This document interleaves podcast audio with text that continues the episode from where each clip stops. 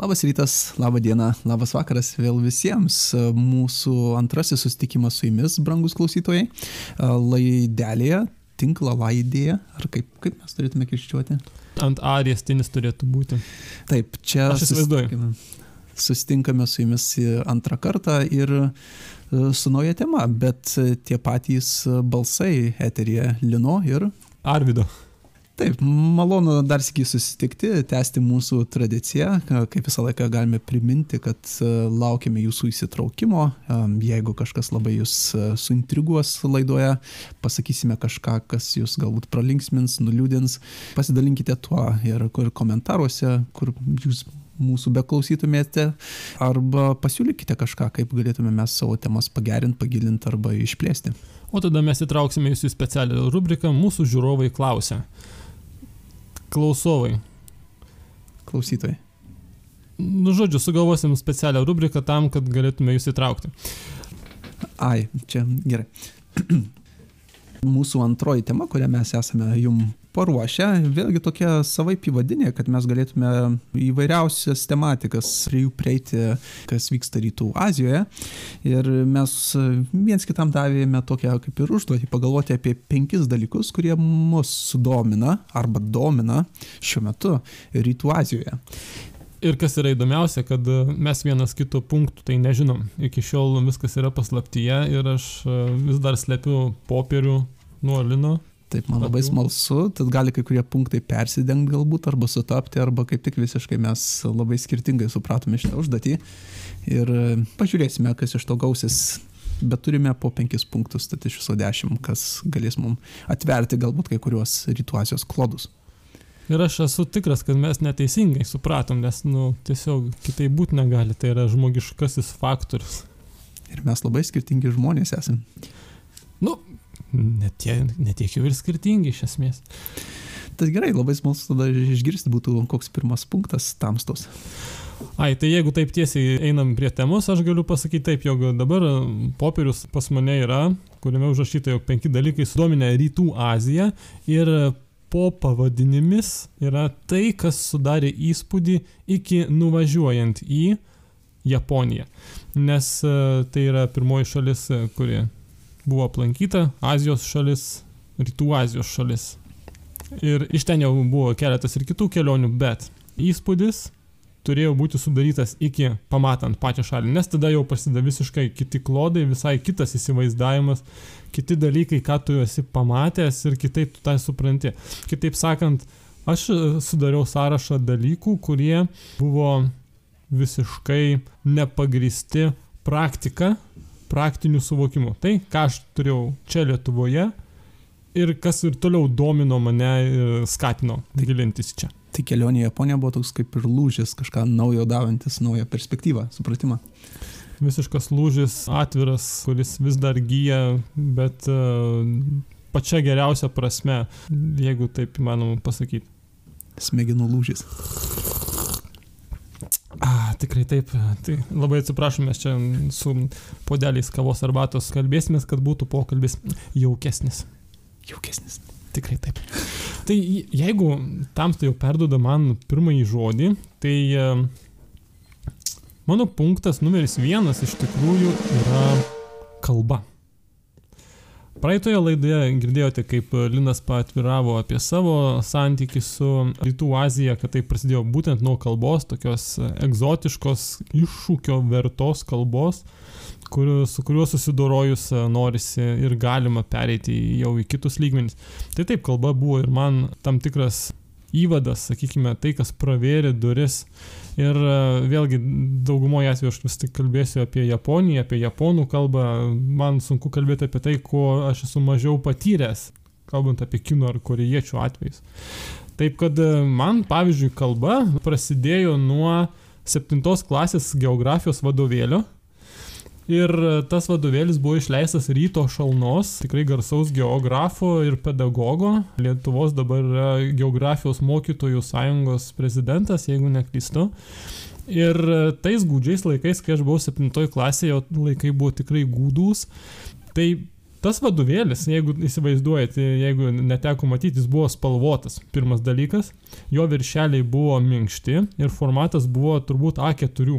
Kitaip sakant, platus, didelis, moderniai iliustruotas, patraukliai pateikiantis informaciją. Noriu pasigirti, bet turbūt nelabai reikėtų. Ta vadovėlį gavau vienintelis klasėje. O, ir teko dalintis? Tikrai ne. Tai kaip čia nutiko, kad vienintelis? Čia, aišku, į Aš nežinau. Temos nukrypstam. Um, ne, tai ganėtinai susiję, turbūt. A, nežinau, kodėl aš gavau tą vadovėlį, gal pamanė mokytoja, kad aš mažiausiai jį plėšysiu, a, pripaišysiu kokiu nors a, naujų veikėjų arba ant esamų veikėjų pripaišysiu naujų kūno dalių. O gal galvoju, kad, na, šitam labiausiai reikia apie geografiją sužinoti. Tai tikėtinai, turbūt ne, nesuklydo, nes kaip žinojau mažai, taip ir toliau dar yra kur kapstytis. Tai prie to vadovėlio grįžtant, e, jame, tai buvo pasaulio geografijos vadovėlis ir e, prie Japonijos skyriaus buvo pristatoma, kas tai yra Japonija, kas ją charakterizuoja ir e, viename mažame laukelėje buvo pademonstruota kinų rašto sistema. Ir būtent hieroglifai, kanžiai, mes savo rate juos vadinam, turbūt nelabai lietuviškas, kaip čia reikėtų lietuviškiau, ne kanžis, nu, Kandžiai. Kan, kan, kandžiai. tai vat vienas kandis ir buvo toks, kaip pavyzdys, žmogus, jeigu įsivaizduot hieroglifą, du pagaliukai, išsižergęs toksai veikėjas. Antras hieroglifas buvo kalinys. Ir kalinys yra žmogus kvadratėlėje uždarytas. Ir e, man tuo metu tai susprogdino smegenis visiškai ir kaip įmanoma. Ir aš tada net nepavau, kaip ištarti tai kaip skamba tas dalykas. Nes ten nebuvo nei skaitimo, nei uh, jokių ten onjomi, kunjomi. Buvo tiesiog e, hieroglifas ir jo reikšmė. Taip kaip mes išverstume. Ir aš galvojau, kad šiais laikais, nu, iš tikrųjų žmonės nebenaudoja piešinėlių kalbėdami savo abecėlėse, bet pasirodo naudoja. Na, aš buvau septintokas, neteiskit manęs. Ir e, taip, tai buvo pirmoji pažintis ir labai orientalizuojanti be abejo, tačiau gan stipriai supažindino. Ir e, jeigu taip žiūrėsim toliau, nes buvo keletas skirtingų lygmenų pažinimo per kalbą ir susipažinimo su kalba. Kitas dalykas buvo, kai jau pradėjau savarankiškai mokytis japonų kalbos. Buvo netgi toks etapas. Čia kelintoje klasėje. Ar jau universitete? Jau universitete iš tikrųjų. Turbūt buvo ketvirtas kursas istorijos studijų O gal jau netgi ir pabaigęs. Dabar geras klausimas. Nu, dar buvo tas momentas, kai bestudijuojant e, turėjau garbės e, lankyti dalyką docentės Švambarytės. Ten buvo Japonijos istorija ir kultūra labai e, įspūdingas kursas, du semestrus pralankiau, kartu su specialistais, nes tai buvo toksai laisvai pasirinkamas kursas, buvome trys istorikai, ne, nežinojom ką rinktis, tai o, istorija pavadinime yra, gerai imsimės istoriją, o ten pasirodo biškai sudėtingiau ir kartu lankė ir specialistai, orientalistai. Tai jiems e, docentė vis liepdavo užsirašyti visus hieroglifus, e, skaitimus, aiškindavo, ką kiekvienas reiškia ir jo raidą, nes vis tik jie specialistai, o mes ten tokie trys sėdim e, auditorijos gale. Kas nosį krapšto, kas ausį, kas dar kažką. Ir supranti, kad kaip yra toli e, tas istorijos suvokimas, jau net ir tam pačiam universitete ir pati istorija, kaip ją aiškini, kaip ją pasakoji. Ir ta Japonija tokia gavusi kosmosas, absoliučiai kitas suvokimas apie šalį, bet išlaikėm, ten buvo, kadangi laisvas pasirenkamasis, nieks per nelyg griežtai nevertino, linksmai išsiskyrėm su teigiamais pažymiais kišenėse ir tom baigėsi. Bet e, japonų kalbos tada tikrai nesimokiau nes uh, buvo ir kitų dalykų. Bet vad, kai pradėjau savarankiškai, uh, atsisinčiau kažkokių vadovėlių, anglų kalba, dar kažko, YouTube pamokų dar ne, ne, nekabinau, VDU nežinojau, kad turi, ar dar net nebuvo pradėta ruošti japonų kalbų pamokėlis. Kada Linai ten pradėjo daryti? Tuo metu tikriausiai dar, dar ne, nebuvo. Čia mes turėtume apie kokius 11-12 metus kada tai... paleidau puslapį. Ai, tai čia, žinok, netaip jau labai prasilengiam iš tikrųjų. Nes mhm. aš turbūt apie dešimtus kalbu, kai jau savarankiškas prasidėjo mokymais.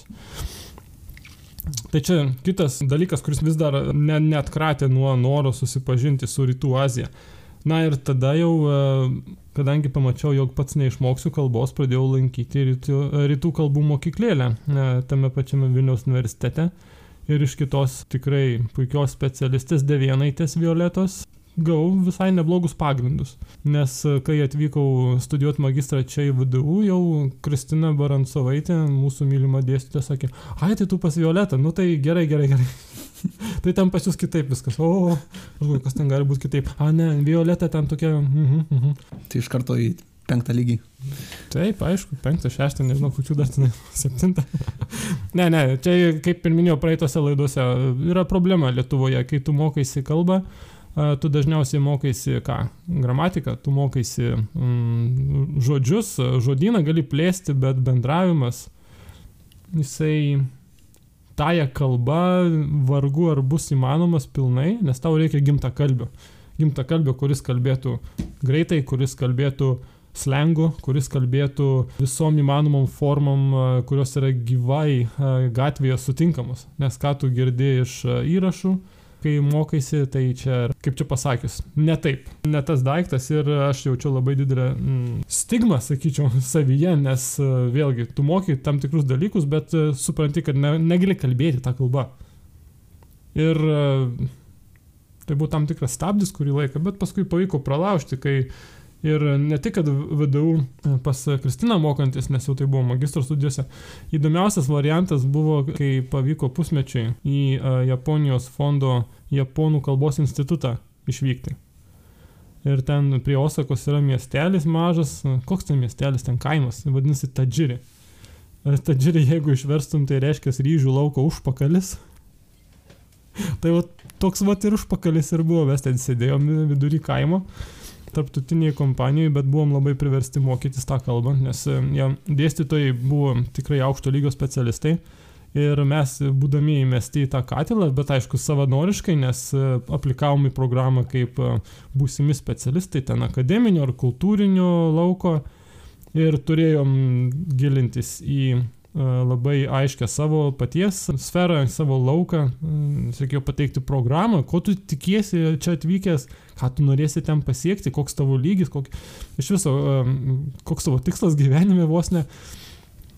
Ir ten mokymasis iš tikrųjų davė labai daug, bet vėlgi, tada mes jau kalbam apie jau iš, išvykimą į Japoniją. A, bet kas yra svarbu, tai jokių būdų netmušė. Tas sunkumas pačios kalbos tik dar labiau, sakyčiau, sudomino. Tai vad, taip trumpai apie pirmąjį punktą. Tai dabar žodis tau. Tai pastebėjimas tada, kad kalbas apskritai su Rytų Azijos kalbomis, kiek tų istorijų tokių gyvenimiškų tenka paklausyti, tai kad taip, kalba yra nesibaigianti kelionė, jos neperpranti iki galo, vis ne iki galo jautiesi saugus toje kalboje nes skiriasi labai ypatingai daug dalykų. Skiriasi logika skiriasi rašmenys skiriasi gramatika. Visiškai aukštyn kojom kartais būna pastatyta iš mūsų europos kalbų perspektyvos ar lietuviškos perspektyvos. Ir ta kelionė tokia nesibaigianti jinai dažniausiai ap aplimpa visokiais kitokiais dalykais kad pradedi galbūt nuo kalbos bet užbaigi politiką, užbaigi ekonomiką, užbaigi dar kitokiais dalykais, kurie susiję. Arba neužbaigi. Arba taip, e, nusiteiki, kad čia kelionė visą gyvenimą, kad jinai nesibaigs ir vyks e, na, toliau. Tai čia iš savo asmeninės patirties e, tą galiu pasakyti, kad, kad kalba pradeda, bet paskui veda toli ir labai plačiai kartais. Plačiais keliais mes čia žengiam, na tai tada atženkim iki tamstos pirmojo punkto. Taip, mano punktai, aš matau, kad gal aš kiek, kiek tiek kitokią prieigą prie tų punktų padariau, kad jie prasideda. Pakankamai platus, bet aš bandysiu iliustruoti jos kai kuriais galbūt dalykais ir galbūt e, prisidėsite taip pat prie, prie mano iliustracijų. Tai pirmasis punktas pavadintas ekonominiai stebuklai. Ir čia aš kalbėdamas, begalvodamas begalvodamas apie šitą punktą, apskritai apie punktus galvodamas, kad e, kaip mes pradame sužinoti apie Rytų Azijos šalis, gyvendami čia Lietuvoje, Europoje. Ir, ir kokios tos pačios pirminės žinios, kurios atsiranda, tai va galbūt geografijos vadovėlis yra ta pirminė žinia. Mano atveju buvo tėvų dar pirkta ir sovietmečiu sunkiai labai gauta magnetola Sony. jinai buvo pagaminta Japonijoje. Ir, ir tuo metu tai buvo na, ta deficitinė sunkiai gaunama prekė ir labai, aišku, po to sunkaus gavimo labai vertinama kaip ypatingai, na, toksai geras produktas, labai naudingas daiktas būtyje. Ir, ir tą magnetolą aš ją naudojuosi pakankamai ilgą laiką Ir kad ir kiek aš su jie ten ir kasečių grojęs, ir radijos įrašinėjęs, ir ko kito nedaręs, jinai atlaikė visus bandymus ir, ir taip ir nesugėdo galiausiai per tuos keliasdešimt metų. Taip, bjaurybė ir nesugėdo, tai ką padarė galiausiai jai? Jinai nesugedusi ir likščiol yra, kas, kas yra nuostabiausia. Ir, ir čia atsiranda va, tas ekonominio stebuklo elementas, kad japoniški produktai, kai jie pradėjo plisti po pasaulį, dažniausiai tai buvo na, tos tokios namų apyvokos daiktai naudojami būtyje, jie išgarsėjo kaip labai kokybiški, kaip gerai pagaminti, ne, ne taip labai jau ir brangus. Ir, ir Japonija tapo na, toks prekės kokybės ženklas. Bet vėlgi tai yra kaip ganėtinai stiprus kontekstas kontrastas japoniškų prekių įvaizdžiui ankstyvuoju pokariu. Ta prasme, kalbu apie 50-uosius iki gal kokių 60-ųjų, bet jau čia labai labai uh, reikia žvelgti case by case, pagal kiekvieną atvejį. Nes japonų prekės, josgi turėjo kaip tik tą neigiamą įspūdį.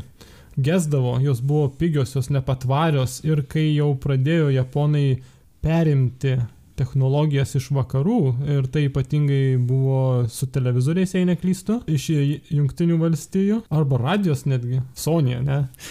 Aš tai atsimenu istoriją, kad nuo radijų viskas prasidėjo, kad e, radijų imtuvas buvo tas pirmasis daiktas, kurį norėjo japonai na, pritaikyti ir patobulinti.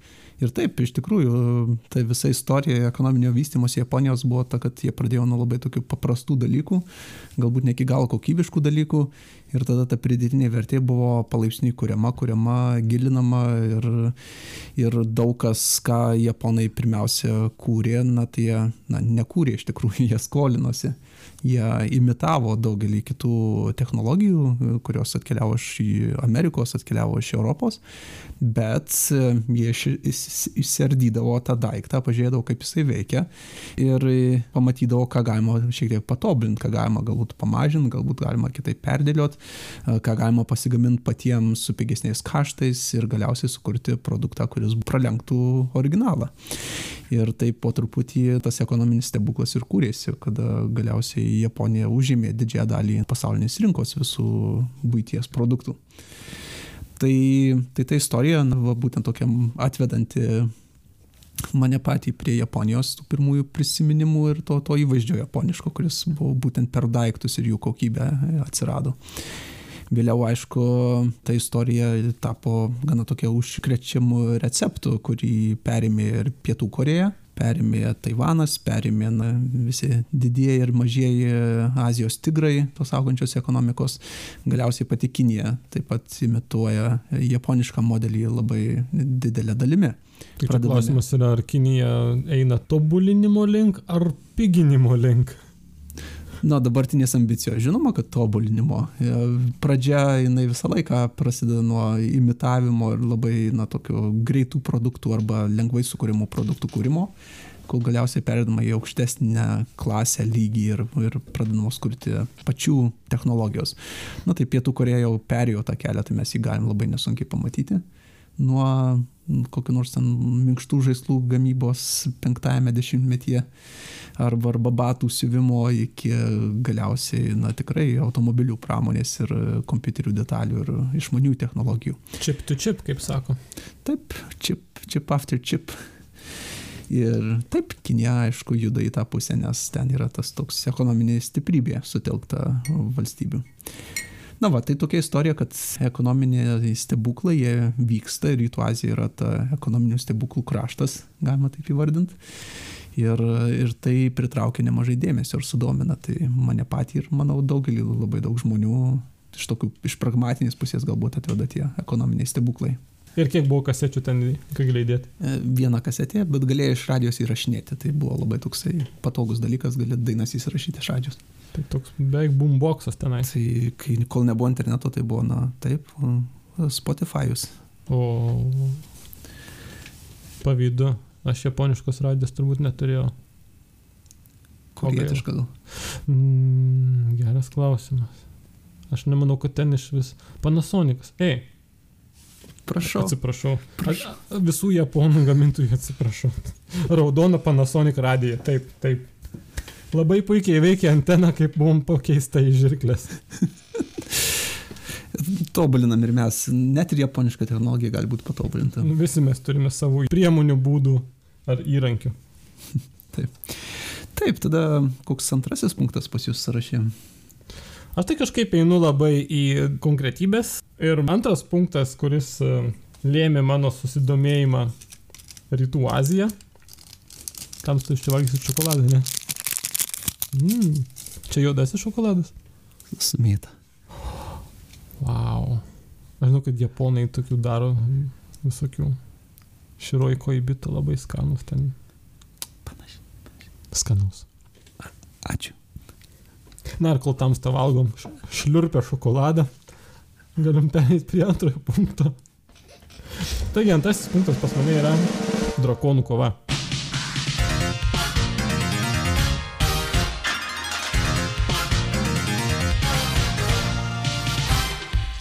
Aš su šokoladu negaliu net sureaguoti. Tinkamai. Aš pasirinkau labai gerą timingą, kad e, tamsta negalėtumėte nei kritikuoti, nei kažko. Tai drakonų kova iš tikrųjų, taip aš esu iš tos kartos, kuri žiūrėdavo parėjęs po pamokų per LNK po 3.10 ar 15. Ojoj. Man atrodo, kad tai buvo po 3.10. Ilgą laiką tuo pat metu ėjo. Dabar neatsiminsiu. Tai galbūt buvo jau nebe 7 klasė, gal kokia netgi 8. Tikėtina. Bet kodėl mane sužavėjo šitas filmukas? Iš tikrųjų, kai jį rodė, tai jis atrodė visiškai kitoks. Negi, kad mes esame įpratę. Aš pradėkim nuo to, kad nesu nei didelis anime specialistas, nei mėgėjas. Uh, ypatingai dabartinio uh, anime žanro labai labai nedaug ką aš žiūriu ir iš vis mažai ką žinau. Tačiau uh, būtent šitas Akiros Torijamos šedevras tai užbūrė. Ir kodėl? Dabar, kai žiūriu, visa tai, kas buvo pavaizduota, yra labai įdomi samplaika tarp mitologijos ir realybės. Na, pavyzdžiui, turbūt atsimenate, kas žiūrėdavote, o kas nežiūrėjote, tai pažiūrėkit, kai Songokas bandė uždaryti Pikolą į ryžių puodą. Suihankį vadinamąjį.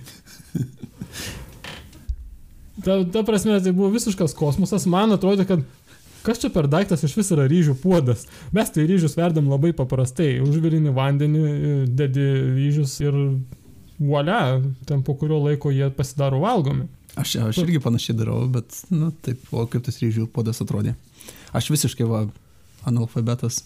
Tai-. Songoko kovose. Jis buvo elektrinis ryžių puodas, pradėkim nuo to. Ai, naujoviškas. Na, tikėtina. Bet e, kai pirmas dalykas aš pamačiau, galvojau, kam reikia atskiro ryžių puodo. Ir man buvo ilgą laiką šitas klausimas neatsakytas. Čia kaip sakoju turistam apie lietuvišką virtuvę ir sakė, kad lietuviai turi specialią mašiną bulvim tarkuoti. Ir jie sako, kam reikia bulvim tarkuoti atskiros mašinos. Tai čia panašus tikriausiai. Tai jie turbūt nėra darę kugelio, nežinau, ten penkiems žmonėms ar cepelinų šeimynai, tai padarys sužinos. Tai mes neverdam gal ryžių. Nuo ryto iki vakaro. Tik, tikrai, kad neverdam.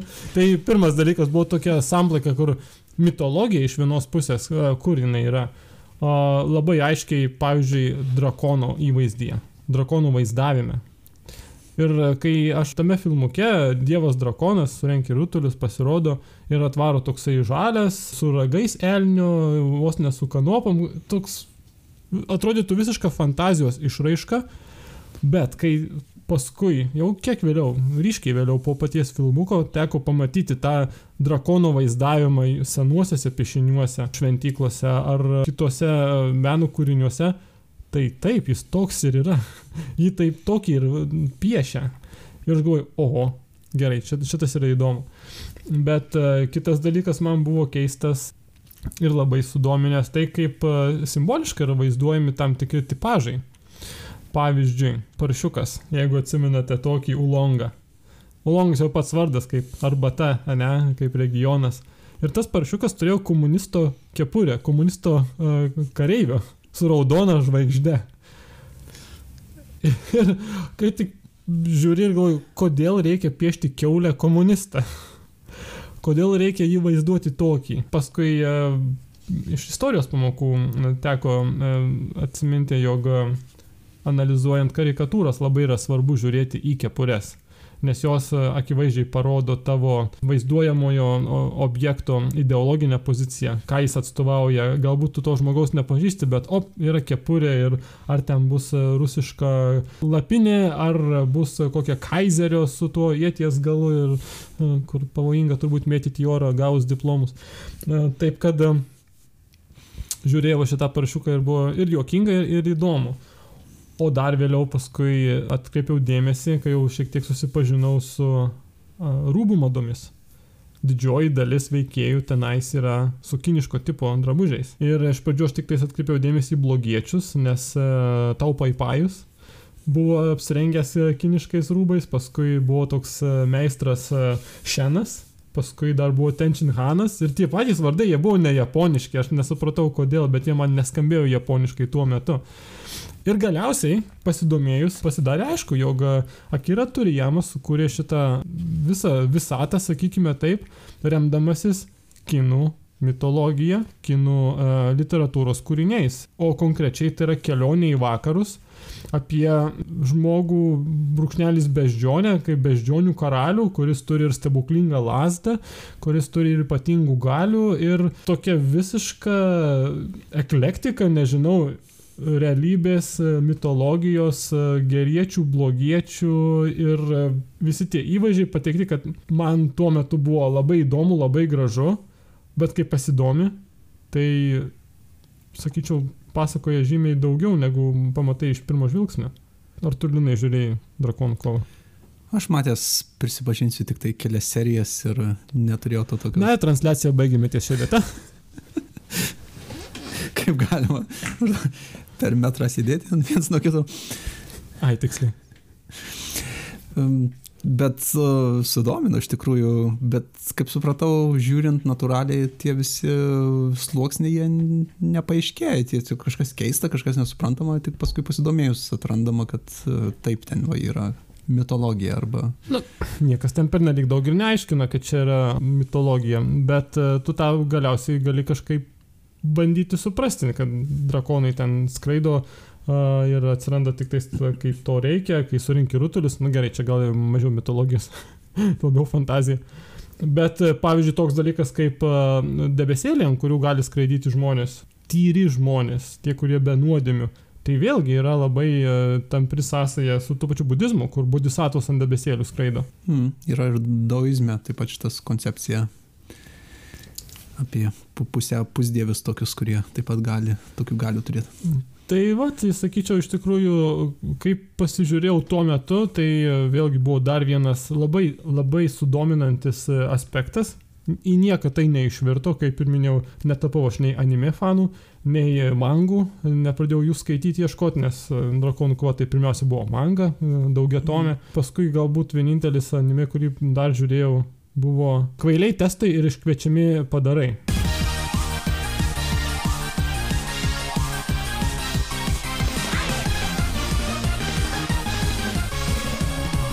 Aha, skamba taip pat keistai, mm. kaip ir pats filmukas, bet ten, kai pasižiūri ir supranti, jog yra anime parodija, tada tu gali žiūrėti visai kitomis akimis. Nes ten ima visas iš esmės vos nema žinomas anime ir iš jų padaro keistą samplaiką, kur mokyklos gyvenimas, išsikvieti savo padarą kažkokį, nežinau, Pokemoną, Digimoną ir tada su juo kovoji, gali užimti klases.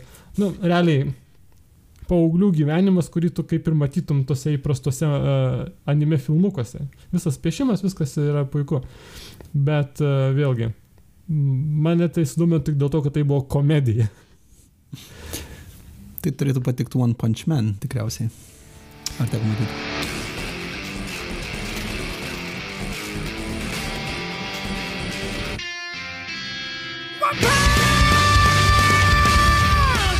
Aš manau, kad uh, nesigilinkim šitą temą. Ten irgi parodija. Dėl to. Tai, va, tai, tai čia buvo toksai mano išplėstinis antras punktas tikiuosi, kad e, tamsta kažką įdomiau galėsit pridėti. Ne, manau, čia Pagal tarp, savo antrąjį. tarp klausytojų, manau, buvo ne vienas žmogus, kuris linksėjo ir labai prisiminė gerus laikus, kada per TV3 rodydavo po 3.15, jei neklystu. 10 LNK. LNK.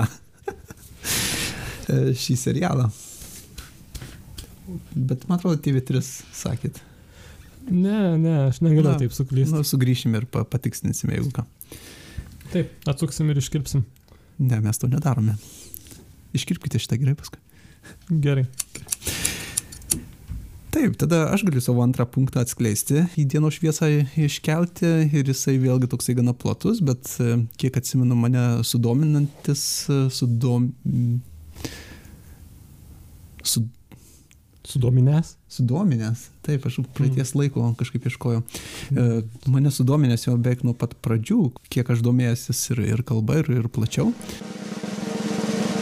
Tai yra ryšiai tarp Lietuvos ir Rytų Azijos.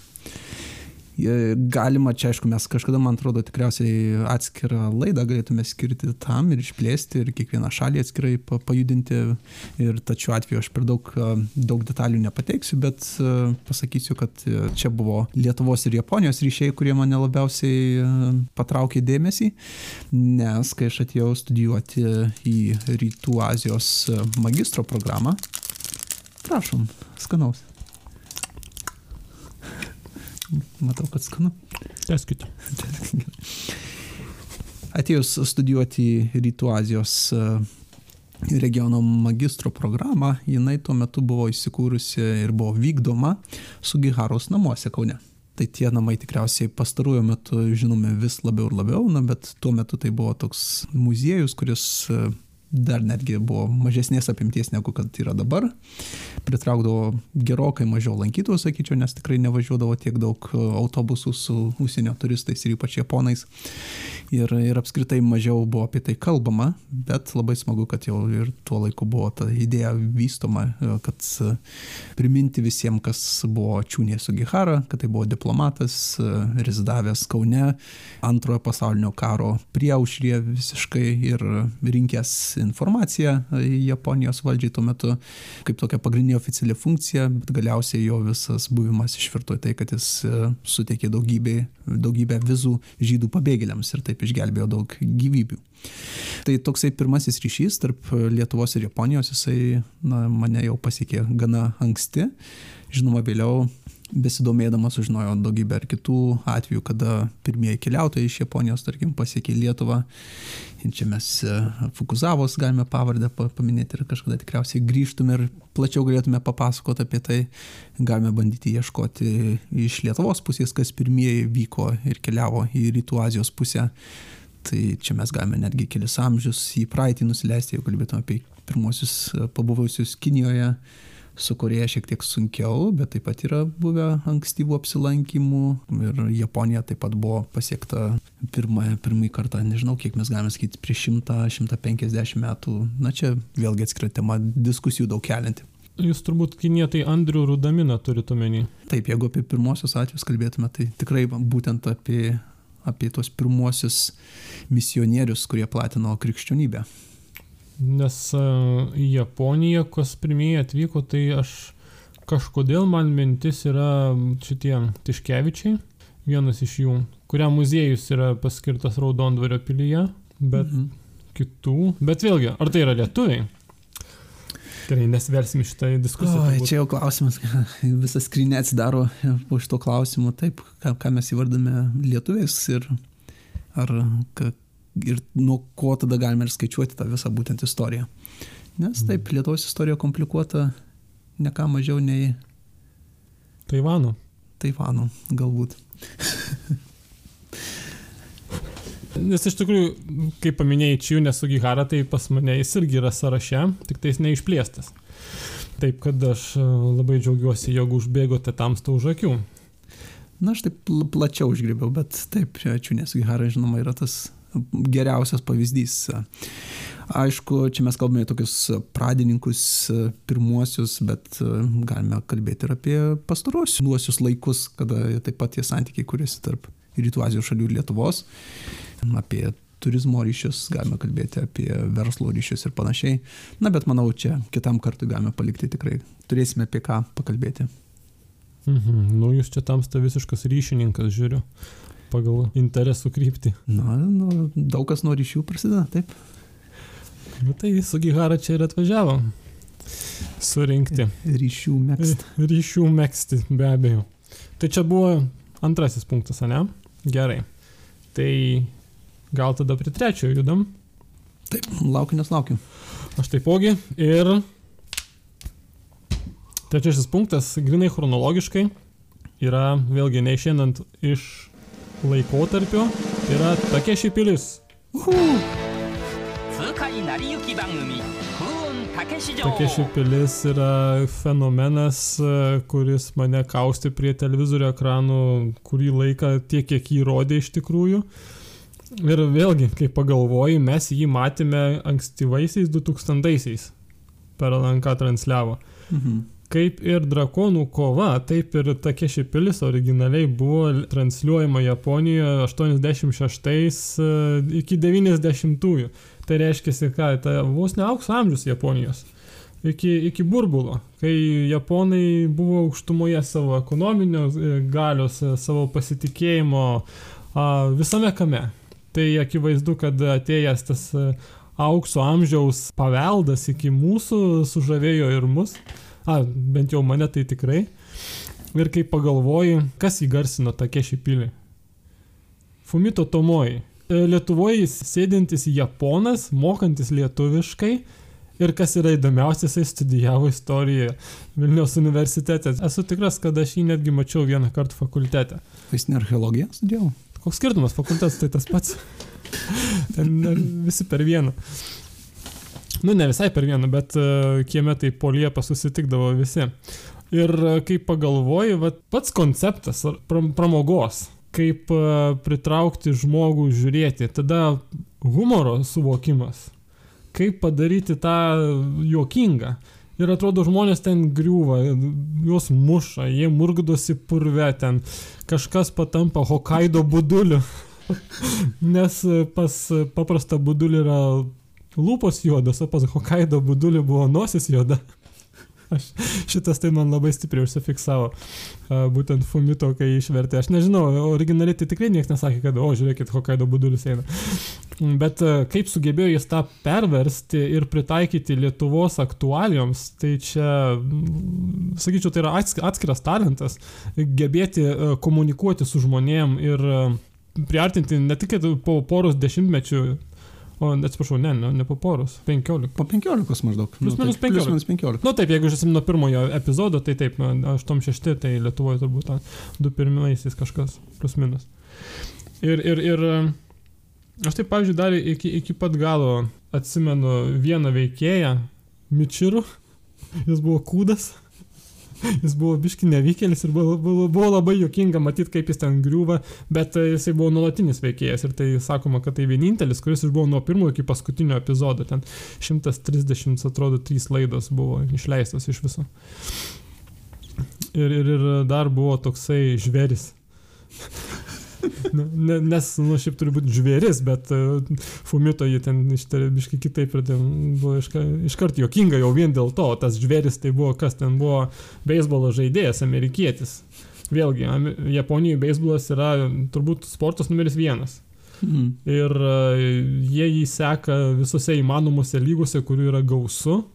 O jeigu dar atvažiuoja iš JAV kokie žaidėjai arba japonai išvažiuoja į JAV žaisti, tai ten jie tampa iškart mega žvaigždėm. Tai vat vienas iš tokių amerikiečių žaidėjų buvo kiek stambesnis, tai a, buvo įdarbintas ir tokia šiaip pilyje būti žvėrim, kur turėjau gazdinti visus, va, baltaodis. Baisu, nu. Taip pagalvoju. O tai tokia ši pilis pati koncepcija su- sužavėjo ar įgarsinimas būtent komentarai Fumito, tas buvo cinkelis. Aš sakyčiau, kad pirmoji vietoje tai e, Fumito sugebėjimas e, kalbėti ir su to jokingu akcentu lietuvišku, ne, japonišku akcentu lietuviškai, taip. Bet be abejo, kaip jis tą e, papasakoja apie įvykius, kurie vyksta ekrane ir kas ten vyksta, ten sakyčiau, viens kitą labai puikiai papildė. Bet aš, e, tu irgi žiūrėjai uh, tokie šipilį. Taip, Bet taip, Ignas- žinoma. Okay, okay. Žinoma, matęs. Tokia dabar iš dabartinės perspektyvos atrodytų adaptuota Lietuvai versija gavosi. Nes tai nebuvo tiesiog vertimas, tai buvo na, komentaras, adaptavimas savai publikai.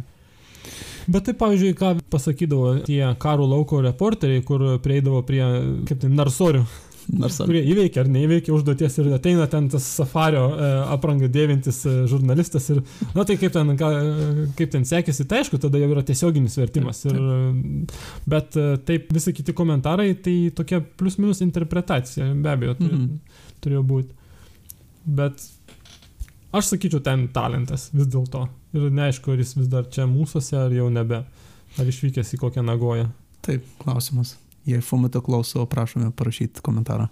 Taip, norėtume jūsų laidoje mūsų pasikviesti. Pa pakomentuoti mūsų laidą. Taip. Adaptuoti lietuviškai publikai. Tai va čia toks buvo mano trečias punktas ir kaip matote, aš neišeinu iš televizijos labai toli. Linai, aš tikiuosi, kad tu kažkur toliau pažvelgsi. A, taip, taip. Ne, labai įdomus punktai iš tikrųjų labai. Aš pats e, pagalvoju apie juos, kad aš juos galėjau kaip punktus panaudoti pats, nes tikrai jie būtų man labai tikę.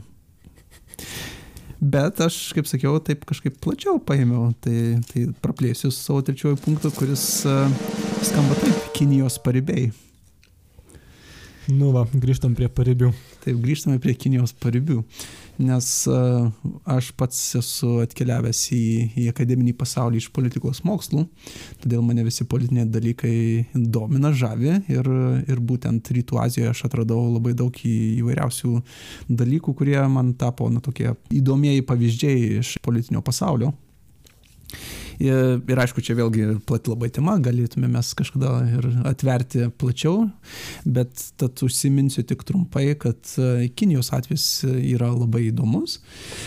Nes Kinija turi nemažai na, teritorinių, tokių kaip ir vienetų, dėl kurių kyla įvairiausių diskusijų, konfliktų, neramumų, tarptautinių reakcijų ir pačios Kinijos, aišku, vidinės e, komunistų partijos reakcijų ir pakomentavimų dėl to. Tai mes galime kažkaip juos išrikiuoti, galbūt pradėti nuo Taivano, kuris e, yra tarptautiniu mastu vertinamas kaip nepriklausoma valstybė. Tuo tarpu Kinijos centrinė valdžia teigia, kad tai yra na, tokia nuklydusi, paklydusi teritorija, kuri priklauso Kinijai. Avelė, paklydėlė. Taip, paklydėlė, kuri kažkada sugrįž vieną dieną į, į bendrą visą e, šeimą, bendruomenę. Tad, tad šitas va tokios ginčytinos teritorijos klausimas, jisai, žinoma, pati savęs labai įdomus tarptautiniuose santykiuose, tarptautiniu mastu, bet dar įdomiau, kad net ir nėra tokio abipusio sutarimo dėl to, kokia situacija yra ir jinai yra skirtingai interpretuojama iš Kinijos pusės ir iš Taivano pusės. Ir dar įdomiau, kad Taivanas yra demokratija, todėl Taivane yra pati visuomenė suskilusi į skirtingas stovyklas ir skirtingai palaiko um, ir skirtingai na, interpretuoja tai, kas vyksta. Tad mes turime na, visą spektrą perspektyvų, ka, kas yra Taivanas ir ką jis turėtų daryti ir kaip jisai tarptautiniu mastu turėtų kaip elgtis. Ir visą tai na, sukuria tokių daug, daug įdomių e, istorijų ir intrigų visame, visame tame. Taip, tai čia Taivano klausimas, galbūt mes galėtume pasikviesti, ką nors, kas galėtų apie Taivaną dar išsameu pa pakalbėti ateityje. Tada, mhm. Atsiprašau, įsiterpsiu, bet ar ne nuodėminga sakyti, kad Taivanas yra Kinijos paribys? Taip, čia dabar mes galime būtent pasimti vieną iš kažkurių tų viso spektro nuomonių ir turėjom tik svečią, taip netikėtai pakomentavo situaciją. Ne visai iš Taivano, bet uh, tikrai komentaras buvo geras, konkretus. Bus Sakus. apie ką pagalvoti. Taip sako, iki šešių pabaikite šitą klausimą svarstyti, nes nu, taip klausimas gilus ir galima tikrai ilgiau nei iki šešių. Bet taip, grįžtant prie, prie to, kas buvo pasakyta, Taivanas, galime mes į Taivaną pažvelgti labai, va, būtent iš to visos spektro nuomonių, pasimti vieną, kuris sakytų, ne, ne, ne, jūs čia labai nekorektiškai teigiate, jeigu vadinate tai Kinijos paribiu. Kiti labai dėl to sutiktų, sakytų, taip, taip, čia yra Kinijos paribys, reikia kažką daryti, reikia nuo paribio į centrą labiau gražinti. Tai, tai taip, problematiška situacija. Mhm. Na, o kiti paribiai. Kiti paribiai, da, dabar, kai mes kalbame, tai ypatingai garsus Hongkongo klausimas, kurį mes irgi galime. Na taip, geografiškai, jeigu mes paribius paimtume, tai taip ir gaunasi iš tikrųjų paribiai, nes tiek Taivanas yra na, geografiškai krašte Kinijos, tiek ir Hongkongas. Bet tuo pačiu ir ideologiškai, ir dėl visos politinės ir istorinės e, konteksto taip pat jie tampa tokiais įvardintinais kaip e, paribiais tai Hongkongo klausimą tikriausiai daug kas seka ir, ir žino tas, tas naujienas ir, ir kas ten vyksta, kad taip pat e, Kinė stengiasi Hongkongą iš paribių labiau prie centro traukti paskutiniu metu. Daugiau galime paminėti, bet nežinau, kiek čia mes turėtume plėstis. Galime Tibetą paminėti, galime Xinjiangą paminėti, galime dar paminėti ir, nežinau, vidinę Mongoliją ar dar kažką kito. Gal, gal turite kokį dar sąrašę? Aš sakyčiau, kad čia bet ką galime minėti, kas nėra palei pajūrį, palei pakrantę. Nes visa ten, kas yra susitelkę, tai be abejo yra, tai visas gyvenimas. Yra ir vidinė migracija vyksta būtent e, nemaža dalimi į pajūrį, nes ten yra pramonė, ten yra pinigai, ten yra darbas. Ir mes, kai žiūrime į tą didžiulę Kiniją, kurioje vyksta tie procesai, mes iškart matome aiškius kontrastus tarp e, vadinamųjų paribių. Aišku, me, nes paribys tai tikrai neturėtų būti, kad ten pats centras geografiškai Kinijos. Ir kas į, į, į, į šoną nuo jos, tai tas ir bus paribys. Ne, tai centras Kinijos tai be abejo yra palei jūrą, kur a, pagrindiniai miestai su, su, su, įsikūrė ir besiplečiantys. Ir tokiu atveju tie paribiui, nu, ką žinau, sakyčiau, jų labai daug ir labai gausu. Tas pats Junanis, nu, aš manyčiau, kad ten tikrai yra tam tikras paribys. Taip, taip. Nes yra na, visa ta, iš istorinės perspektyvos, aišku, yra tie, kas nutolę nuo sostinės, tuos sunkiau suvaldyti sostinę ir, ir sukurti tą tokį centralizuotą visą vieningumą. Tad, kadangi sostinė buvo labiau Kinijos paskutiniais bent jau amžiais, rytinėje dalyje pačios Kinijos ir arčiau pajūrio, na tai taip. Aišku, geografinės sąlygos tą, tą, tą lėmė didelę dalimi, kad sunku būtų ten kur nors kalnuose ir dykumoje tą sostinę įkurti. Na, bet kad kadangi jie dabar turi vieną laiko juostą visai šaliai, tai sakyčiau, bendrumo jausmas yra. Laikinas. Na, turiu galvoj, temporalinis. Na va, tai, wow. tai, tai wow, Kinijos čia...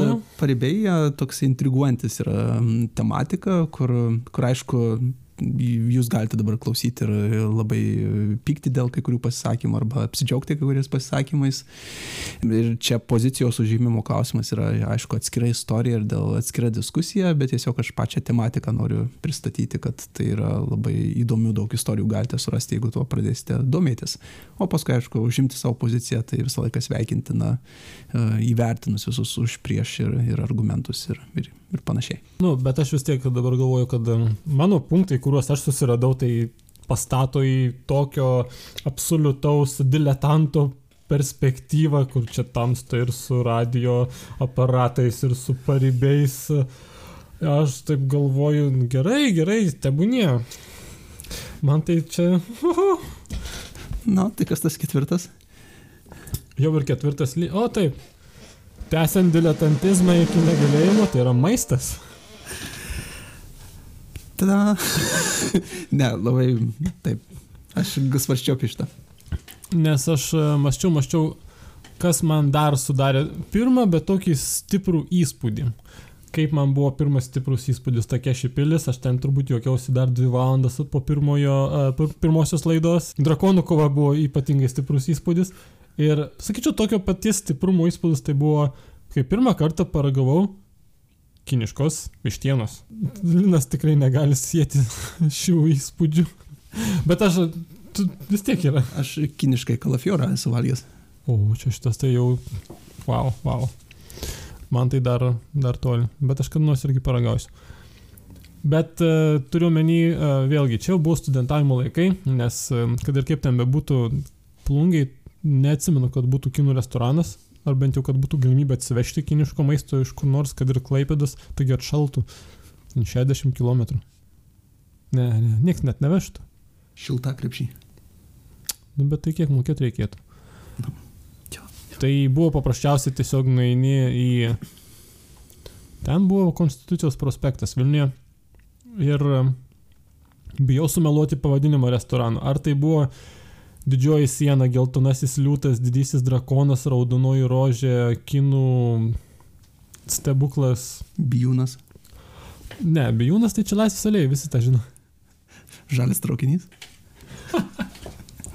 raudonoji knygutė. Ir tą kartą aš pirmą kartą paragavau gombavo vištienos.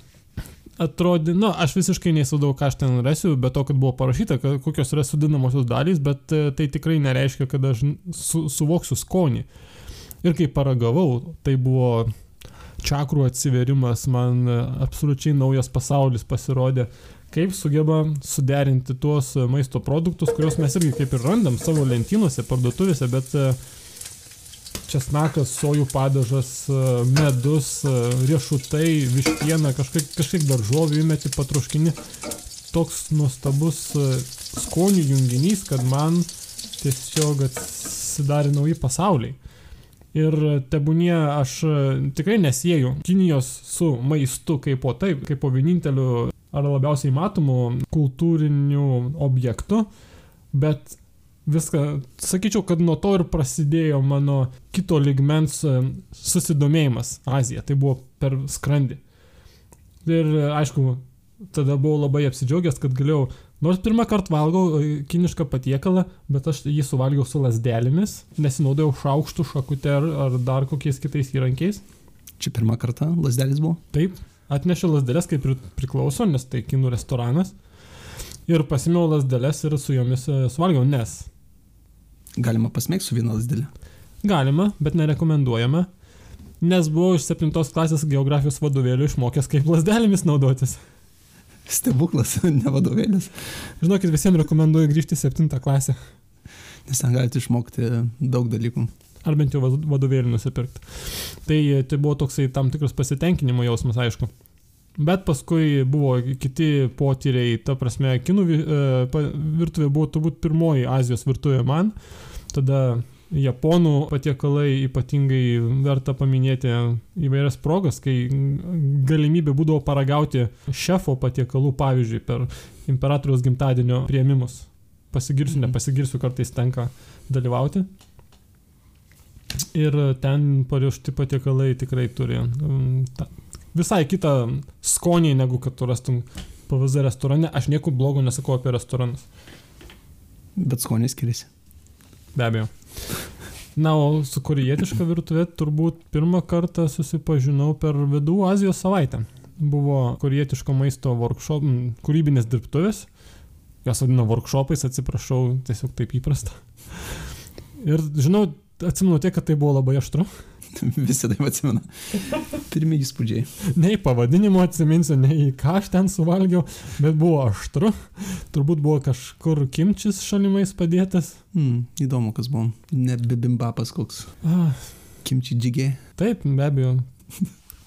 Aišku, čia negalima kalbėti apie tai, ką galima rasti, pa, pavyzdžiui, Japonijoje, kinų, e, koriečių restoranuose, kaip ir nuvažiuosi į kokį Šin Okubo, kur yra labai puikus ir smagus kvartalas korejiečių Tokijoje ir įvairiausiai ir patiekalai, ir produktai iš Korejos, pavyzdžiui, kosmetikos produktai, kurie yra ypatingai populiarūs toje šalyje. Tačiau man tai nelabai aktualu, tai aš į maistą žvalgydavausi. Aš esu tiesiog apakęs, kaip yra skanu ir koks yra ypatingas, ypatingas skonių paletė, visa spektras potyrių. Taip kad kas sužavėjo, tai vis dar, vis dar žavi, tai yra maistas. Tai buvo ketvirtas punktas. Puiku, puiku. Aš taip pat atsimenu ne vieną, na, tokį istoriją su maistu susijusią. Tai, tai taip, labai per maistą galima atrasti šalį ir dažniausiai, jeigu su turistais ar, ar kitais svečiais, kurie pirmas iki lankosi kitose šalyse vyksti, tai žinoma, maistas yra tas pirminis dalykas, per kurį paskui atsiveria įvairiausi kiti dalykai. Ypač jeigu nenori na, investuoti labai daug laiko, mokintis kalbos ar panašiai, tai maistas toksai prieinamas dalykas. Aišku, kai valgai, tai nereikia kalbėti. E, Taip, taip. Ir nereikia per daug mokintis valgyti, gali tiesiog imti ir valgyti. Tikrai toli gražu ne vis. Čia taip sakė Konfucijus, man atrodo. Arba Zaratustra. Tai iš tikrųjų mano penktasis, ne ketvirtasis punktas, jeigu neklystu, jisai susisieja su tuo iš dalies, nes aš vėlgi labai plačiai paėmiau ir pavadinau savo punktą kultūrinė įvairovė Rytų Azijos. Ir į maistą, žinoma, patenka į tą visą kultūrinės įvairovės savoką, bet čia aš turėjau daug plačiau, aišku, e, bandydamas perteikti tą mintį, kuri iš pradžių man atrodė, na, aš nebuvau susipažinęs tiek su Rytų Azija ir aš galvodavau, na, tai yra Kinija, kinai kaip žmonės, yra Japonija, japonai kaip žmonės, na ir koriečiai yra. Ir, ir jie visi turi savo tam tikrą tapatybę ir vieni kitus gerai supranta ir jie labai panašus vieni su kitais iš, iš kultūrinės pusės. Bet aišku, pradėjus domėti, supranti, kad ten yra tokia įvairovė ir tiek daug įvairiausių potemių, poskonių, pokultūrių ir, ir kitokių sluoksnių, e, kad jeigu kalbam apie Kiniją, tai jau buvo ta užuomina, kiek yra tautų tautelių, yra kelios dešimtys pripažintų, bet to pačiu kelios dešimtys ir daugiau netgi nepripažintų tautelių, kurios su savo tradicijomis ir kultūrinė įvairovė. Jeigu mes kalbame apie Japoniją, mes taip pat galime sakyti, na, kad tiek labai pagrindinis skirtumas būtų tarp, aišku, čia buvių ainų gyventojų ir na, vėliau teritoriją užėmusių dabartinių japonų.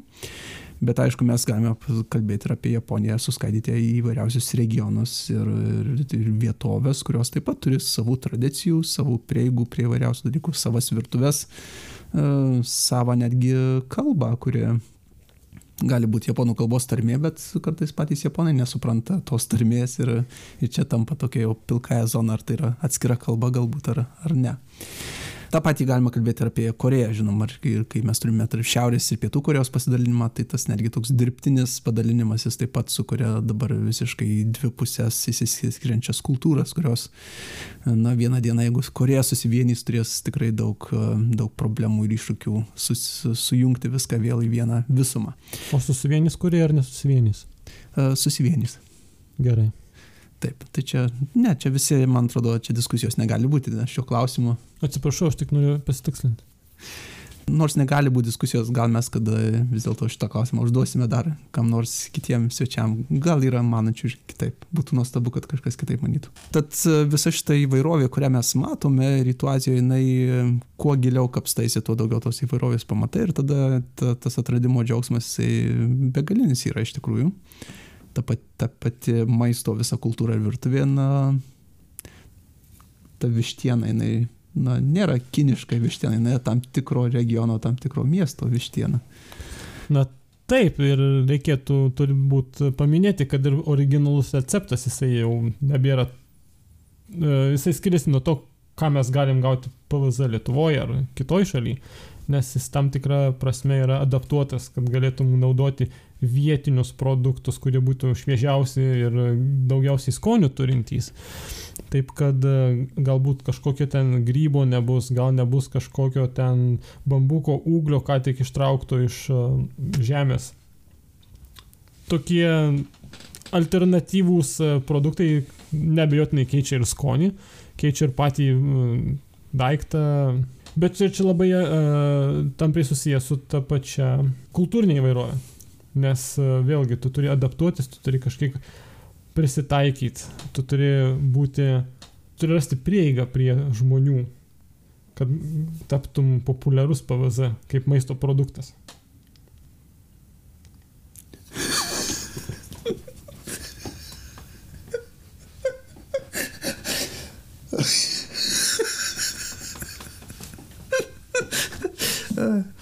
Na, mintys supratau plius minus.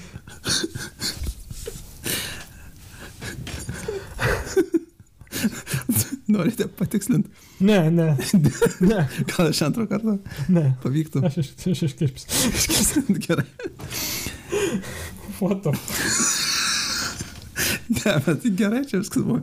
Na, va, tai kultūrinė įvairovė, žinoma, jinai atsiskleidžia bevalgant, jeigu taip mes pasakytume simboliškai, kad pirmasis skonis arba tas pirmas vaizdas gali būti labai vieningas, bet jeigu mes paragaujame Kinijos, paragaujame Korejos ar Japonijos, tai man atrodo, tų atspalvių poskonių gali tikrai daug atsirasti ir palinkėjimas visiems juos surasti ir domėtis. Taip, valgykit kuo daugiau, nes maistas yra gyvenimas. Konfucijus taip sakė. Taip. Tai tamsus čia buvo ketvirtas punktas, kaip suprantu. Taip, ir man atrodo eilė išgirsti jūsų penktąjį punktą, kuris, manau, čia tiesiog nuneš viską. A, labai, labai už, aukštai užkelėt kartelę, nes po kultūrinės įvairovės aš nebežinau, kur dėtis. Akivaizdu, kad jūsų požiūris e, tiesiog e, sunaikina bet kokius bordiūrus ir bet kokias sienas ir aš esu priverstas žvelgti viską atvirom akim. Bet prieš pereidamas prie penktojo punkto aš turiu sąrašėlį labai trumpą, kurį pavadinau verti paminėjimo, bet nepatekę į sąrašą. Honorable mentions. Tai pavyzdžiui, kas galbūt kitiems būtų labai populiaru, svarbu, tai praeitą kartą aptarėm šiek tiek populiarioji kultūra kuri sudomina žmonės. Aš, pavyzdžiui, nelabai galiu savęs su to sieti, išskyrus, ką aš mačiau televizijos laidas ir vieną anime. Ir tai, tai, tai tikrai nėra pati po, populiarioji kultūra, nes nei muzika populiarioji manęs nesudomino Japonijoje ar Rytų Azijoje bendrai. Kažkada bandžiau parsisiuntęs klausytis. Ne, kažkur neužkabino anie kiek. Nors aš žinau, kad jeigu klausaisi dainų, jeigu tu žiūri um, dainų žodžius, tai yra papildoma galimybė į tą kalbą lengviau uh, įsigilinti, labiau suvokti, kaip yra konstruojami sakiniai, mintys, uh, kaip, kaip galima tą pačią kalbą pritaikyti praktikoje. Nes kai tu išmoksti dainos žodžius, tu tada išmoksti ir gramatiką tuo pat metu. Tu išmoksti naujų žodžių, tu išmoksti netgi tam tikras frazes, kurias gali labai patogiai paskui panaudoti pokalbiuose. Ir tai galimybės tikrai plačios, bet man tuo metu, turiuomenį iki, iki išvykstant į, į Japoniją pagyventi, visiškai nekabino. Nežinau. Bet dabar jau atkabina. Aš, be kabina. Aš, žinok, dabar atradau šitą uh, internetinę radiją. Tuo metu tai buvo ne internetinė radija, kai uh, buvau Osakoje, tiesiogiai galėjau klausytis Umeda FM. Labai puikiai stotis. Uh, įdomi tuom, kad uh, tai yra jau senos istorijos, matau, kad nuo 70 kažkėlintųjų jinai transliuojasi. Ir ten ne tik, kad yra šio laikinė japoniška muzika įvairių stilių. Popsas, bet ir punk rokas, yra ir įvairiausios alternatyvos. Perinam iki vakarietiškos muzikos ir metalas, ir rokas, ir itališki, ša, e, prancūziški šansonai ir dar kažko. Lietuviškos tiesa dar neteko girdėti, bet e, puikiai palėti muzikos. Ir kas yra labai svarbu, kad tu e, gali smagiai pasiklausyti didžėjų, kaip jie kalba kaip jie pristato vieną ar kitą klausimą, kaip e, kalbina žmonės, Ir tai yra labai gera prieiga tos pačios kalbos mokintis. Net jeigu tu nemoki, tu tiesiog greitai paskui įsivedi žodį žodyną, pasižiūri ir supranti, apie ką kalba eina, bet tau, tam tau reikia gyvo pokalbio, kur žmonės būtų nekalbantis pagal scenarijų, kur yra improvizuota. Ir tai yra visiškai gyva kalba. Todėl man tai yra vienas tokių įdomesnių dalykų. Bet šiuo metu Anksčiau tai ne, nežaidė jokiais e, lygmenimis. Taip pat ir su dailė neturėjau nieko praktiškai bendro, ar architektūra, ar literatūra, juo labiau. Galit mane apkaltinti, e, kuom tik tais norit. E, knygų, nei kiniškų, nei šio laikinių koriečių autorių, nei japonų praktiškai neskaičiau. Taip, taip, atsiprašau. Kolega, prašom patraukti šitą žvilgsnį. Nu taip, taip, aišku. Ir dar e, grįžtant tada prie paminėjimų sąrašo, tai yra Čiūnė Sugihara, Linas jau čia ganėtinai išsiplėtė, tačiau iki, iki kol pradėjau dirbti tam muziejuje tikrai labai nedaug žinojau, sarmata ar nesarmata, tiek kiek mokėmės istorijos pamokose, tiek kiek žinojau iš, iš tokių labiau nuogirdų negu kad kažko konkretaus.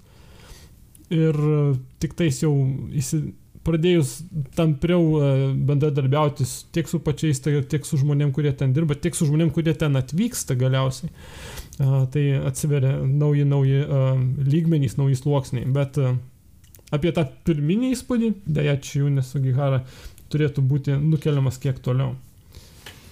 Tai va čia toks mano uh, paminėjimų sąrašėlis ir kad nesijausčiau visiškai uh, Azijos gerbėjas, nes čia ir maistas, ir filmukai, ir televizijos laidos. Mano penktas sąraše chronologiškai yra nacionalizmas. Oho. Oho. Nes kai jau iš esmės baiginėjusi to egzotinę stadiją, sakyčiau taip, kai jau iš esmės buvo susipažinta su daugeliu aspektų, kurie yra kitokie, kurie yra įdomus, kurie yra patrauklus. Tada prasidėjo studijavimas magistro studijose, paskui ir, ir, ir doktorantūrą pavyko įstoti. Ir tai toliau jau buvo skatinama būtent domėjimuose kodėl, kokios yra problemos toje Japonijoje, bet jau konkrečiai problemos visuomeniai, problemos e, tarp e, atskirų grupių, tarp e, politikos ir žmonių, tarp atskirų tautybių šalyje turiu omeny. Ir netgi regione, nes kad netrodytų viskas taip labai gerai, gausybė neišspręstų teritorinių problemų tarp Japonijos ir Kinijos ir tarp Japonijos pietų Korejos, na, dar galime įtraukti Šiaurės Koreją. Ir su Rusija yra neišspręstų klausimų, gausybė pokario, karo laikų ir prieškario reliktų, kurie šiuo metu Japonijoje vis dar turi svarbos. Ir visa tai toliau mane varo į priekį domėtis, gilintis ir, ir, ir dabar aš jau matau tą šalį ne kaip įdomybių rinkinį ar jokingų laidų transliuotojus. Aš matau šalyje gal netgi daugiau bėdų negu kad pozityvo. Bet čia tikriausiai su daugeliu dalykų besigilinant pamatai daugiau tos tokios probleminės pusės eigoje. Aš manyčiau, kad tai taip yra ganėtinai natūralu, nes vėlgi, kuo tu esi tampresnėme ryšyje su kažkuo, ar tai būtų šalis, objektas, ar netgi žmogus, tu tuo daugiau pamatai kažkokių neigiamų aspektų. Ir iš esmės e, tokiu būdu aš nesakyčiau, kad tai yra blogai. Jokių būdų tai nėra blogai, tai yra labai, saky, sakytume, sveikas e, procesas, nes e, vėlgi kažkada tu pradėsi žvelgti į tuos galbūt ne taip akcentuojamus momentus, bet jie yra tikrai nemažiau svarbus. Taip kad dabar aš galiu mėgautis ir to pačiu maistu, aš galiu vis dar juoktis iš takeši pilies, bet aš tikrai negaliu ignoruoti tą, ką jau esu sužinojęs apie tautinių grupių diskriminaciją, apie prieštutinės dešinės e, grupių veiklą prieš tautinės grupės, taip pat negali ignoruoti įvairių istorinių problemų, kurios yra nuslepiamos arba bandomos nuslėpti vadovėliuose. Taip kad turim, ką turim. Ir tikriausiai Hokkaido budulis kitaip jau suskamba.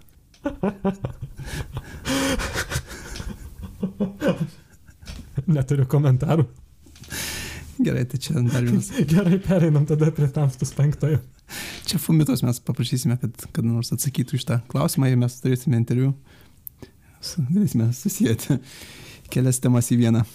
Taip, maniškis tada paskutinis penktasis punktas, kuris na, sakyčiau, persidengia labai nemažai su Arvido paminėtų mm, nacionalizmu, nes aš pasirašiau dinamišką istoriją. Kaip tokį punktą, kuris irgi čia yra toksai mano vėlyvesnio susidomėjimo, aišku, gilinimosi rezultatas, nes iš pradžių tos dinamiškos istorijos galbūt tiek daug ir nesimato, bet pradėjus gilintis na, bent į vieną šalį iš tikrųjų. Užtenka užkabinti Kinijos istoriją, Korejos istoriją arba Japonijos istoriją ir tada atsiranda tokios jungtys, kurios nuveda ir prie kitų šalių aplinkinių istorijos. Ir čia galbūt va vienas iš tų tokių klyjų, kuris sujungia šalis į regioną, nes jos labai persidengia savo istorinė problematika, istoriniais santykiais, ypač jeigu mes turime paskutinius 150 metų maždaug plus minus, e, moderniai laikai jie na, sukuria tuos modernius darinius ir tada ir modernios problemos, kurios vis iki šiol dar neįspręstos, kai kurios jos taip pat atsiranda. Tai visa tai, e, na, čia nacionalizmas, aišku, vienas iš pamatinių dalykų, kuris e, sukuria kai kurias tas problemas arba neleidžia jų išspręsti iki šių laikų. Tai ta intriga galiu pritarti kad iš tikrųjų yra labai sudominanti. Ir kad vėlgi čia didelė tema nesiplėsti labai visus, į visas pusės, norisi išskirti Korejos istoriją, kuri, manau, iš lietuviškos perspektyvos yra galbūt lengviausiai suprantama arba lengviausiai prieiti mum. Aš čia lyginu, aišku, Kinijos istoriją, Japonijos istoriją ir Korejos istoriją, kad Korejos istorija yra tarsi turi analogijų su Lietuvos istorija, kaip ne, saliginai nedidelė valstybė, nedidelė teritorija, kurie yra apsupta didesnių galybių, tos didesnės galybės vis siekia valdyti, siekia kišti, siekia kontroliuoti, siekia okupuoti, ką, ką Koreja taip pat teko patirti okupacijas. Ir visoje toje goje gimsta na, ir korietiška tapatybė, moderni, na, paveikta to pačio nacionalizmo ir susikuria nauja tauta, taip pavadinkime moderni, moderniais principais ir to pagrindu susikuria ir moderni valstybė. Dvi iš tikrųjų tokia sudėtinga istorija, kurios, kad padalinta yra tauta į dvi valstybės. Ir, ir tuo pačiu, toje pačioje valstybėje, jeigu mes žiūrėtume į Pietų Korejos istoriją, mes turime tą visą judėjimą link demokratijos, judėjimą kovą už laisvės ir, ir žodžio laisvę, ir rink, politinės teisės ir panašiai.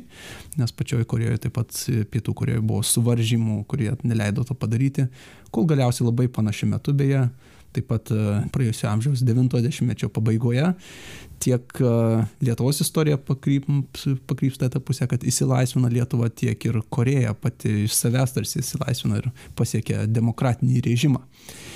Tad e, visa tai labai kažkaip tokį sukuria artumo jausmą, skaitant, domintis Korejos istoriją.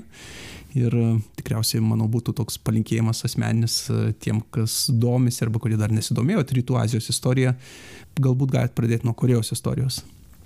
Nuo modernių laikų, ne, neiti šimtmečiais atgal, nes tada galbūt sunkiau bus suprasti ir sunkiau įsisavinti, bet pradėti modernėje Korejos istoriją ir tada pagalvoti taip pat, ar nepanašu jums tai į Lietuvos atvejį. Ir galbūt tai bus jūsų na, kelio pradžia toliau domėtis ir ir kitais dalykais. Nu, čia tamsta jau nuo labai konkretybių, jau į Korejos modernioji istorija tai nėra toks jau lengvas riešutėlis, kurie taip krimst ir jau perprasi. Ne, čia taip, taip pripažįstu, tikrai reikėtų kelias knygas perskaityti, kad įsigilinti ir...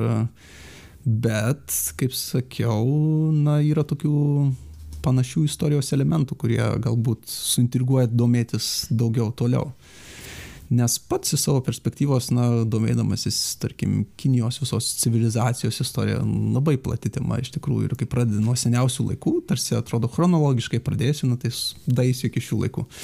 Tai iš tikrųjų ten ne, reikia ne dvi, tris knygas perskaityti, ten reikia dešimt metų paskirti, kad gerai suprastum, kodėl ten vienas ar kitas dalykas įvyko. Tuo tarpu panašiai ir su Japonijos iš tikrųjų istorija, kuri taip pat turi, na, tokių gilių klodų. Tuo tarpu Koreja, man atrodo, toksai kaip pirmam žingsniui lengvesnis pasirinkimas ir tuo pačiu jinai sukurs tokias gyjas, kur tada pagalvosite, gal, gal reikėtų ir apie Japonijos istoriją pasidomėti, ir apie Kinijos istoriją. Na, aš šiek tiek galėčiau kaip ir mini, mini, minimaliai prieštarauti. Pavyzdžiui, visai neseniai teko skaityti e, Japonijos istorijos e, versiją. Tai buvo 1900. 1907 metų istorija. Tai reiškia, ką tik pasibaigęs karas su Rusija mm, ir visai visai gerai pasibaigęs karas. Japonijos, aišku, naudai. Ir toliau dar, dar neįvykusi Korejos okupacija, aneksija, kaip čia reikėtų pasirinkti kurį terminą, prijungimas, sakykime, prie Japonijos imperijos. Ir toji Japonijos istorija, jinai iš tikrųjų labai lengvai susiskaitė nuo pat mitinių laikų, nors, kaip bebūtų keista, e, jau ir tenais buvo akcentuojama, kad pirmieji imperatoriai geriau nelaikykime jų e, už, už gryną pinigą, nes nieks nežino, kokie ten buvo ir kaip ten buvo, kas tikrai nustebino, nes vis tik labai svarbu toji mitologinė praeitis, mitologinės sąsajos. Pavyzdžiui, jeigu skaitysi Kinijos istoriją, vėlgi priklausomai nuo to, kas autorius, tai turbūt neišvengsi irgi sąsajos su sunkiai apčiuopimais laikais, kur jau nebe archeologiškai įrodytos, o numanomai vyravusios civilizacijos, kuri ten ties, turi tiesioginę sąsąją su po to vyks, vykusiomis dinastijomis PVZ. Kas irgi nėra tiesa, nes e, ne viena civilizacija, ne viena e, šita dinastija vystėsi vienu metu. Ten gal kokie septyni žydiniai e, tikrosios Kinijos teritorijoje. Ir vėlgi, ties tokiais dalykais labai lengvai galima ir paslysti, ir pasiklysti, ir, kaip ir minėjai, ne viena, ne dvi, ir, nežinau, ne kelios dešimtys knygų galiausiai padės suvokti, kaip ten galbūt iš, galėjo būti.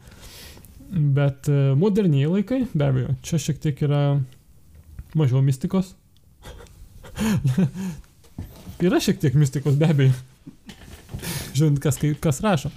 Tačiau e, vis dėlto yra lengviau įsiaiškinti ir tikėtina, kad e, ja, Koreja kaip teritoriškai mažesnė, žmonių skaičium šiek tiek smulkesnė šalis rytų Azijos kontekste, vis tik e, gali būti lengviau perprantama ir dar įpinant paralelės su Lietuva, su mūsų realijomis, Kodėlgi ne? Kodėlgi ne? Tai taip, aš visiškai nenoriu kažkaip išgazdinti, kad jūs nekiškite kojos į, į Kinijos istorijos ribas, nes ten tikrai nusilaužite tą koją. Anaip tol, iš tikrųjų yra daug gerų įvadinių knygų, kurios viena knyga gali tikrai jūs įvesti į tą temą, bet aišku, detalės liks paslėptos kažkur, galbūt tikrai daug kas liks nepaminėta ir tam tokiam gilesniam perpratimui tikrai už, užtruktų daugiau laiko tuo tarpu iš savo patirties atrodė, kad Korejos moderni istorija, jinai, na, saliginai galima greičiau prie jos prieiti, bet, bet žinoma, tikrai galiu pri, pritarti, kad yra gerų tikrai knygų įvadinių, kurios gali jūs ir, ir kitų šalių istorijas tikrai sudominti ir lengvai būti perskaitomos. Tai va, tai žinokit, tokie buvo mūsų penki punktai. Tokie tikrai kaip ir turėjom nuojautą iš pradžių besiskiriantys tarpusavyje savo sudarimo principų. Ne, bet mes ir nenorėjom kažkaip į vienus vartus e, kamulio spardyti ir manau, kad iš klausytojo pozicijos galbūt, e, galbūt mano punktai kokie pasirodė nuobodesni, o Arvido tikrai galbūt e, arčiau širdies jum, o gal atvirkščiai, o gal kaip tik nei vienas, nei tas, tai mes tikriausiai turime bandymę pataikyti į labai įsivaizduojamą įvairovę mūsų klausytojų. Na ir bet kokia atveju tikimės, kad iki šio punkto dar mūsų klausotės ir visus punktus iki galo per, perklausėte. Ir tikiuosi, kad atsimenat pirmą ir, ir paskutinį. Aš tai neatsiminčiau, nebūčiau užsirašęs. Nu, bet čia tik tais aš. Gerai, tai gal ties šią vietą dar palinkėsime ir paraginsime pasidalinti jums savo, savo įspūdžiais. Gal yra punktai, kurie unikalūs ir įdomus, ir be abejo jie yra tokie, kurie jūs sudomino Rytų Aziją. Ir vis dar domina? Taip, galite pagalvoti nebūtinai penkis, galite pagalvoti ir šešis arba keturis. Mes tikrai prie penkių neprisirišam ir lauksime jūsų komentarų ir įspūdžių. Tikrai būtų įdomu pasiskaityti, kas jūs domina Rytų Azijoje arba kokiam jūs taške esate to asmeninio susidomėjimo, platesnio susidomėjimo ar, ar prieš ir po irgi įvairiausios istorijos labai įdomu jas išgirsti. Tai jeigu ne, nesarmata ir turite laiko, siūskite laiškus, siūskite žinutės, perskaitysime jūs e, mūsų žiūrovai klausia rubrikoje. Taip, tikėsimės, kad mes galėsime tą rubriką ir užvesti artimiausiu metu ir jūs e, išgirsite savo komentarus čia gyvai. Taigi dėkui Jums už šį praleistą laiką kartu ir iki kitų kartų. Iki.